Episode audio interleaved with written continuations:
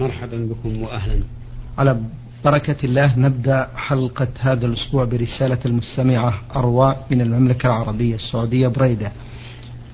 تقول في سؤالها الأول صامت امرأة التاسعة من محرم وحاضت يوم عاشوراء فهل يجب عليها القضاء أو يلزمها كفارة؟ أرجو الإفادة. الحمد لله رب العالمين وأصلي وأسلم على نبينا محمد وعلى آله وأصحابه ومن تبعهم بإحسان إلى يوم الدين. من المعلوم أنه لا يجب الصيام على المرء المسلم إلا صيام رمضان. وصيام رمضان أحد أركان الإسلام الخمسة. لقول النبي صلى الله عليه وسلم بني الإسلام على خمس. شهادة أن لا إله إلا الله وأن محمد رسول الله وإقام الصلاة وإيتاء الزكاة وصوم رمضان وحج بيت الله الحرام. أما صوم محرم فقد كان واجبا في أول الأمر ثم نسخ بصوم رمضان وصار صومه تطوعا أعني صوم محرم. وصوم العاشر منه أوكد من صوم بقية الأيام منه. وبناء على هذا فنقول في الجواب على سؤال هذه المرأة نقول إنها لما صامت اليوم التاسع ومن نيتها أن تصوم اليوم العاشر ولكن حال بينها وبينه ما حصل لها من الحيض فإنه يرجى أن يكتب لها أجر صوم اليوم العاشر لأنها قد عزمت النية على صومه لولا المانع. والإنسان إذا نوى العمل الصالح وسعى في أسبابه ولكن حال بينه وبينه ما لا يمكن دفعه فإنه يكتب له أجره. لقول الله تبارك وتعالى ومن يخرج من بيته مهاجرا إلى الله ورسوله ثم يدركه الموت فقد وقع أجره على الله. وهذه المرأة التي حصل لها ما يمنع صوم اليوم العاشر وهو الحيض لا يلزم لا, لا يشرع لها أن تقضي اليوم العاشر لأن صوم اليوم العاشر مقيد بيومه فإذا حصل منه مانع شرعي فإنه لا يقضى لأنه سنة فات وقتها. نعم. بارك الله فيكم. في سؤال المستمعة أروى من بريدة في سؤالها الثاني تقول حكم الشرع في نظركم فضيلة الشيخ في لبس الكم القصير خاصة عند المحارم بالنسبة للمرأة؟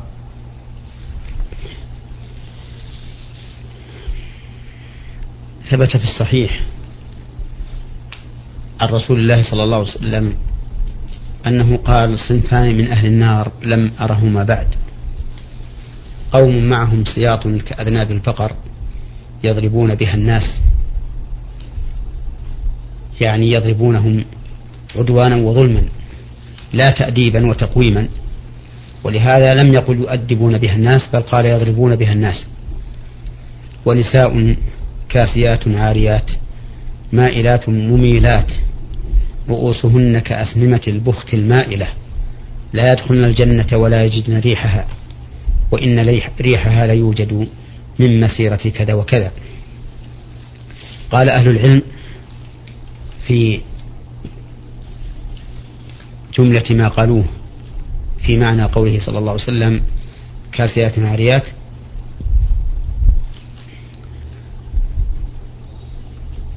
إن المراد بذلك الكسوة التي لا تستر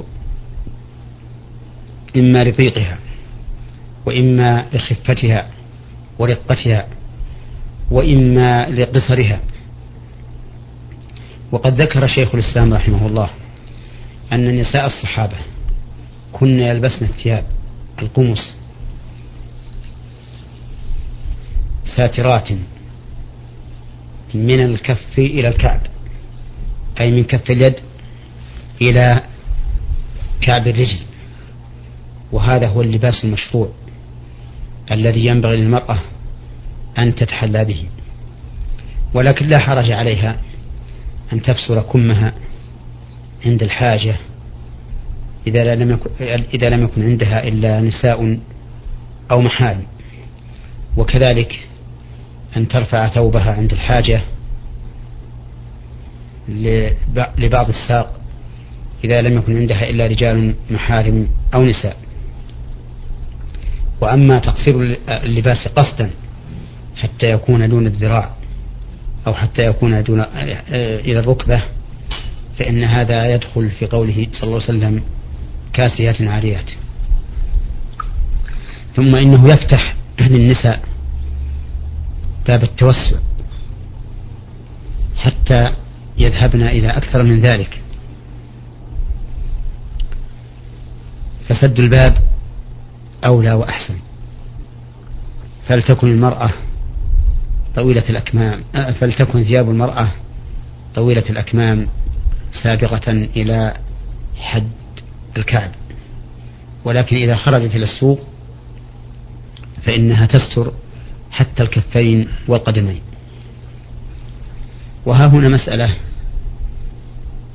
يتوهم فيها بعض الناس ما ليس بمقصود للشارع.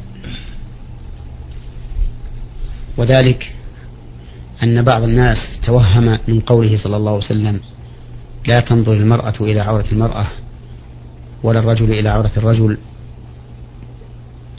أن ذلك يعني أنه يجوز للمرأة أن تكشف من بدنها ما ليس بين السرة والركبة وهذا فهم خاطئ. ورسول الله صلى الله عليه وسلم لم يخاطب اللابسة المنظورة وإنما خاطب الناظرة. يقول لا تنظر إلى عورة المرأة. المرأة لا تنظر إلى عورة المرأة. وليس يعني ذلك أن المرأة ليس عليها من الثياب إلا ما بين السرة والركبة فإن هذا لم يفهمه أحد. وأي واحد يستطيع أن يقول إن نساء المسلمين كن يقتصرن على لبس سروال أو إزار يستر ما بين السرة والركبة والباقي يكون خارجا. من يقول هذا؟ بل نساء الصحابة كما أسلفت عن شيخ الإسلام ابن تيمية رحمه الله يلبسن من القمص ما يستر ما بين الكف والكعب. لكن مراد النبي عليه الصلاة والسلام أن المرأة اللابسة إذا بدا شيء من عورتها عند قضاء الحاجة أو غير ذلك فإنه لا يجوز للمرأة أن تنظر إلى عورتها. وهكذا يقال في الرجل فإن الناس في عهد الرسول عليه الصلاة والسلام يلبسون الإزار والرداء. فيسترون جميع البدن. ولم يكن أحد يلبس إزارا دون رداء إلا إذا كان فقيرا كما في قصة الرجل الذي قال للنبي صلى الله عليه وسلم حين عرضت عليه المرأة أي على النبي صلى الله عليه وسلم نفسها فلم يردها فقال رجل إن لم يكن لك بها حاجة إن لم يكن لك بها حاجة فزوجنيها وليس عنده إلا إزار. فهذا فقير. وإلا فإن الناس الذي الذين يجدون الإزار والرداء يلبسون إزارا ورداء. على كل حال الحديث توهم فيه بعض الناس بأنه يجوز للمرأة أن تخرج صدرها وما وما على من بطنها وأن تخرج ثدييها للنساء وهذا خطأ. لكن الأمر كما قلت الخطاب موجه للناظرة لا للمنظورة. أما المنظورة فإنها قد لبست ثيابا ساترة عادية لكن قد تبدو عورتها لسبب من الأسباب فلا يجوز للمرأة أن تنظر إليها. نعم. بارك الله فيكم.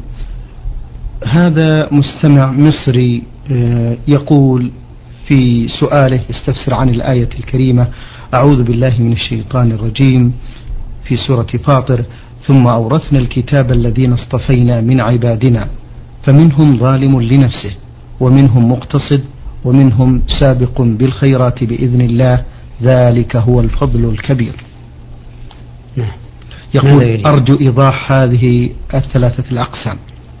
نعم. يقول الله عز وجل ثم أورثنا الكتاب الذين اصطفينا من عبادنا يعني بهم هذه الأمة أورثهم الله الكتاب. فكان كتابهم وهو القرآن الكريم آخر كتاب أنزله الله تعالى على أهل الأرض لأنه نزل على محمد صلى الله عليه وسلم خاتم النبيين. أورثهم الله الكتاب وبين الله في هذه الآية أن الله اصطفى هذه الأمة على غيرها من الأمم وقسم هذه الأمة إلى ثلاثة أقسام ظالم لنفسه ومقتصد وسابق بالخيرات. فالظالم لنفسه هو الذي ظلم نفسه بفعل ما لا يجوز أو بترك ما يجب. والمقتصد هو الذي اقتصر على فعل الواجب وترك المحرم. والسابق بالخيرات هو الذي قام بالواجب وبما زاد عليه من التطوع وتجنب المكروه وتجنب الحرام والمكروه والمباح الذي لا يستفيد منه شيئا. مثال الأول الظالم لنفسه رجل كان يصلي لكنه لا يأتي بما يجب في الصلاة من شروط أو أركان أو واجبات فهذا ظالم لنفسه. رجل يزكي لكنه لا يحتاط ولا يزكي جميع ما ما يجب ما تجب فيه الزكاة من ماله فهذا ظالم لنفسه. والمثال الثاني رجل يصلي لكنه يؤخر الصلاة إلى آخر الوقت ولا يأتي بمكملاتها يقتصر في التسبيح على واحدة يقتصر في القراءة على الفاتحة يقتصر في الركوع والسجود على أدنى ما يجب وهكذا. وفي الصدقة يأتي بالواجب من الزكاة ولا يزيد عليه. وأما الثالث السابق بالخيرات فهو الذي يأتي بالواجبات ويفعل ما يكملها من المستحبات فيصلي الصلاة على أكمل وجه وأتمه ويأتي بالرواتب التابعة لها ويصلي التطوع وكذلك يؤدي الزكاة ويتصدق بما زاد على ذلك. هذا هو السابق بالخيرات. ثم ختم الآية بقوله ذلك هو الفضل الكبير. أي ذلك السبق بالخيرات هو الفضل الكبير. فإنه لا فضل أكبر من أن يمن الله تعالى على الإنسان بالمسابقة إلى الخير. وفعل ما يستطيع من الطاعات الواجبة والمستحبة. نعم. بارك الله فيكم. هذه رسالة وصلت من مستمع للبرنامج من خميس مشيط رمز لاسمه بألف ألف عين المملكة العربية السعودية. يقول ثلاثة إخوة يسكنون في بيت واحد ويعملون في مكان واحد مأكلهم ومشربهم واحد وفي عيد الأضحى يضحوا بأضحية واحدة ومعنى ذلك أن الثلاثة يذبحوا أضحية كما ذكرت ويقولون بأنه يجزي عنهم الثلاثة لأن أموالنا واحدة ونحن نشترك في كل شيء. ما الحكم في هذا؟ بارك الله فيكم. الظاهر لي أن الحكم في هذا أن أضحيتهم هذه مجزئة لأن مالهم بمنزلة المال الواحد فتجزئ عنهم الأضحية الواحدة. لأنهم بيت واحد. وكان الصحابة رضي الله عنهم يضحون بالشاة عنهم عن أهل بيتهم بخلاف ما لو كان كل واحد منهم مختصا بماله فإن فإن الأضحية الواحدة لا تجزئ عنهم. ولهذا لو اشترك ثلاثة جيران في أضحية واحدة فإن ذلك لا يجزي ولا تكون الشاة هذه شاة أضحية بل هي بل هي شاة لحم. لأن من شروط الأضحية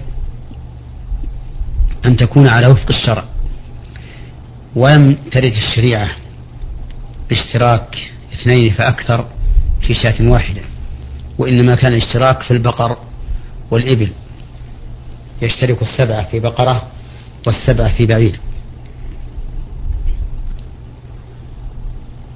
ومن المعلوم أن من شرط العمل الصالح أن يكون على وفق الشريعة. فمن عمل عملا ليس عليه أمر الله ورسوله فهو مردود عليه كما ثبت ذلك عن رسول الله صلى الله عليه وسلم أنه قال من عمل عملا ليس عليه أمرنا فهو رد. أما هؤلاء الجماعة فهم في بيت واحد ومالهم واحد فهم بمنزلة, بمنزلة رجل واحد فتجزئ الشاة عنهم جميعا. بارك الله فيكم. هذه رسالة وصلت من عزة جودة مصري الجنسية مقيم بالمملكة. يقول فضيلة الشيخ رجل أعطاني جمرات في اليوم الثاني عشر لكي أرمي بدلا عنه بحجة أنه مسافر والمسافة بعيدة ولعلمكم بأنه ليس مريض فما حكم الشرع في نظركم في هذا العمل؟ آه نظرنا أن هذا العمل لا يجزئه. لأنه ترك واجبا من واجبات الحج. وقد ثبت عن النبي صلى الله عليه وسلم أنه قال إنما جعل الطواف بالبيت وبالصفا والمروة ورمي الجمار لإقامة ذكر الله. ومن وكل غيره في ذلك فإنه لم يقم ذكر الله في هذه الجمرات. وعلى هذا فإن رمي هذا الوكيل لا يجزئ عن موكله. والواجب على موكله الآن أن يستغفر الله ويتوب إليه مما صنع وأن يذبح فدية توزع على الفقراء في مكة. يذبح فدية في مكة توزع على الفقراء هناك لأنه ترك واجبا من واجبات الحج. وقد قال أهل العلم إن الإنسان إذا ترك واجبا من واجبات الحج وجبت عليه فدية تذبح في مكة وتوزع جميعها على الفقراء هناك. وليعلم أن الحج عبادة يتقرب بها الإنسان إلى ربه وأن الإنسان نفسه مكلف بها وبإتمامها كما قال الله تعالى وأتموا الحج والعمرة لله فالواجب على من شرع في حج أو عمرة أن يتمها بنفسه ولا يجوز أن يوكل فيها لا في الطواف ولا في السعي ولا في المبيت ولا في الرمي ولا في الوقوف بعرفة. لا بد أن تباشر أنت بنفسك هذه الأعمال. ولولا أن الصحابة كانوا يرمون عن الصبيان لقلنا إن من عجز عن رمي الجمرات فإنه لا يستنيب أحدا لأنها عبادة متعلقة ببدن الفاعل فإن قدر فذاك وإن لم يقدر سقطت عنه فإن كان لها بدل أتى ببدلها وإن لم يكن لها بدل سقطت بالكلية. وأما تهاون بعض الناس اليوم في في التوكيل في رمي الجمرات فإنه يدل على أحد أمرين. إما على نقص في العلم أو على ضعف في الدين. وأما من كان عنده علم بشريعة الله فإنه يتبين له أن رمي الجمرات كغيره من واجبات الحج. لا بد أن يقوم الإنسان فيه به بنفسه. ولا يجوز أن يوكل غيره. فإن الله تعالى قال وأتموا الحج والعمرة لله. والإتمام يشمل إتمام جميع أعمالهما. فإن قال قائل إذا كان معي نساء فإن النساء ضعيفات لا يستطعن مقاومة هذا الزحام الشديد الذي قد يحصل به الموت أحيانا وذلك لغشم الناس. وعدم معرفتهم بما ينبغي أن يكونوا عليه في هذه المناسك من الرفق والرحمة بإخوانهم. فإذا ذهبنا بالنساء للرمي صار عليهن مشقة وربما يحصل عليهن ضرر. فالجواب عن هذا أن نقول إن هذا الزحام ليس دائما بل هذا الزحام يكون عند ابتداء وقت الرمي. في الغالب. ثم يخف الناس شيئا فشيئا. فانتظر وقت خفة الناس. ولو أن ترمي في الليل فإن الرمي في الليل جائز ولا سيما عند هذا الزحام الشديد. ولا يجوز أن أن يوكل النساء من يرمي عنهن من أجل الزحام. ولهذا أذن النبي صلى الله عليه وسلم للضعفة من أهله. أن يدفعوا من مزدلفة في آخر الليل ليرموا جمرات قبل زحمة الناس. فأمرهم أن يقتطعوا جزءا من المبيت بمزدلفة مع أن المبيت بمزدلفة من شعائر الله ومن المشاعر العظيمة. قال الله تعالى فإذا أفضتم من عرفات فاذكروا الله عند المشعر الحرام. ومع هذا أمرهم النبي عليه الصلاة والسلام أن يقتطعوا جزءا من هذه العبادة من أجل أن يسلموا من الزحام. ولم يقل صلى الله عليه وسلم اجلسوا لا لا تدفعوا إلا معنا ووكلوا من يرمي عنكم. ولو كان هناك مساق للتوكيل لكان التوكيل أهون من أن يقتطعوا جزءا من المبيت في مزدلفة. ورخص لهم أن يتقدموا وأن يرموا قبل الوقت الذي رمى فيه.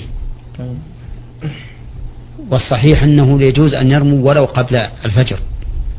متى أبيح لهم الدفع من مزدلفة أبيح لهم الرمي متى وصلوا إلى منى لأن رمي الجمرات تحية منى. وكذلك الرعاة.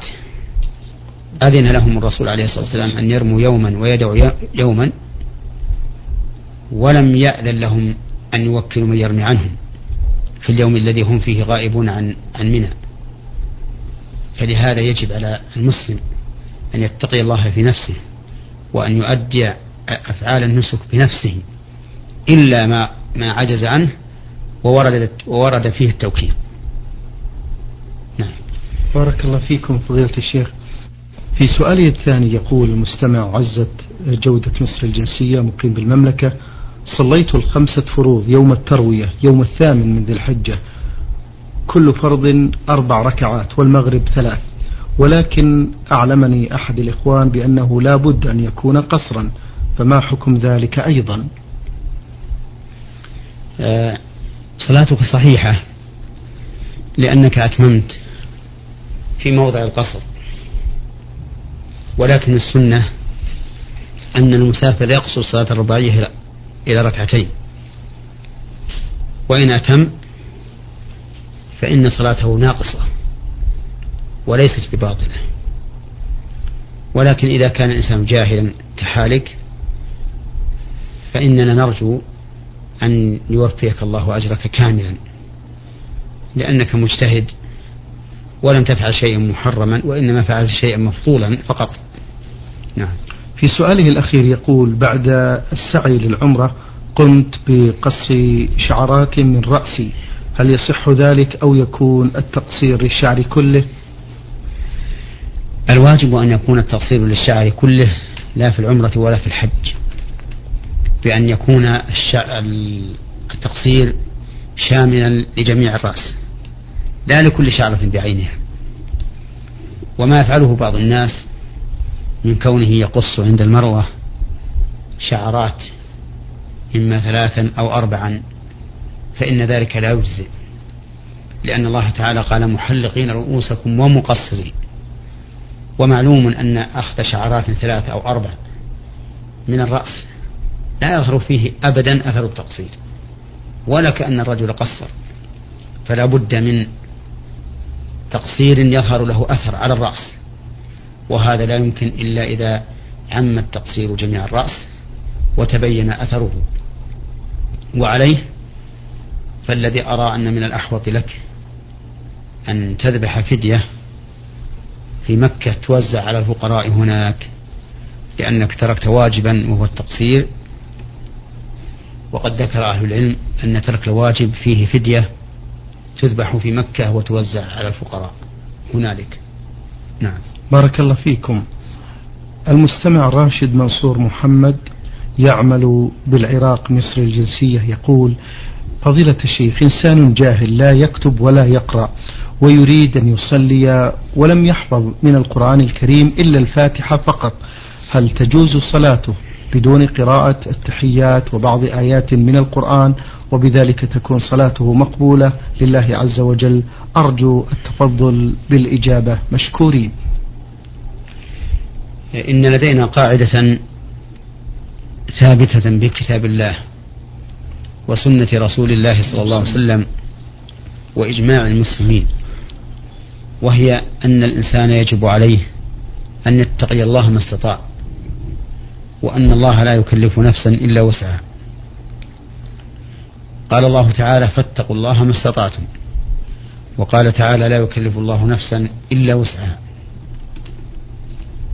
وقال تعالى أولئك يسارعون في الخيرات وهم لها سابقون ولا نكلف نفسا إلا وسعها. وقال النبي صلى الله عليه وسلم إذا أمرتكم بأمر فأتوا منه ما استطعتم. وهذا السائل ذكر أنه لا يعرف من أقوال الصلاة المشروعة إلا الفاتحة. فعليه أن يقرأ الفاتحة لأنها ركن. ولكن لا أدري كيف يعرف الفاتحة ولا يعرف أن يقول سبحان ربي العظيم في الركوع وسبحان ربي الأعلى في السجود؟ والله أكبر في الانتقالات وسمع الله لمن حمده ربنا ولك الحمد في الرفع من الركوع. كيف لا كيف يكون هذا؟ فلعل السؤال كان فيه شيء من الالتباس. نعم ربما لا يعرف التحيات لأنها طويلة. فإذا كان لا يعرفها فإنها تسقط عنه لكن يجب عليه أن يتعلمها بقدر المستطاع ولا يحل له أن يفرط ويدعها والذي سهل عليه قراءة الفاتحة فإنه سيسهل عليه قراءة التشهد ولكن يظهر أن الرجل لم يتيسر له من يعلمه التشهد فليطلب من يعلمه التشهد ومن اتقى الله جعل له من أمره يسرا. شكر الله لكم فضيلة الشيخ وعظم الله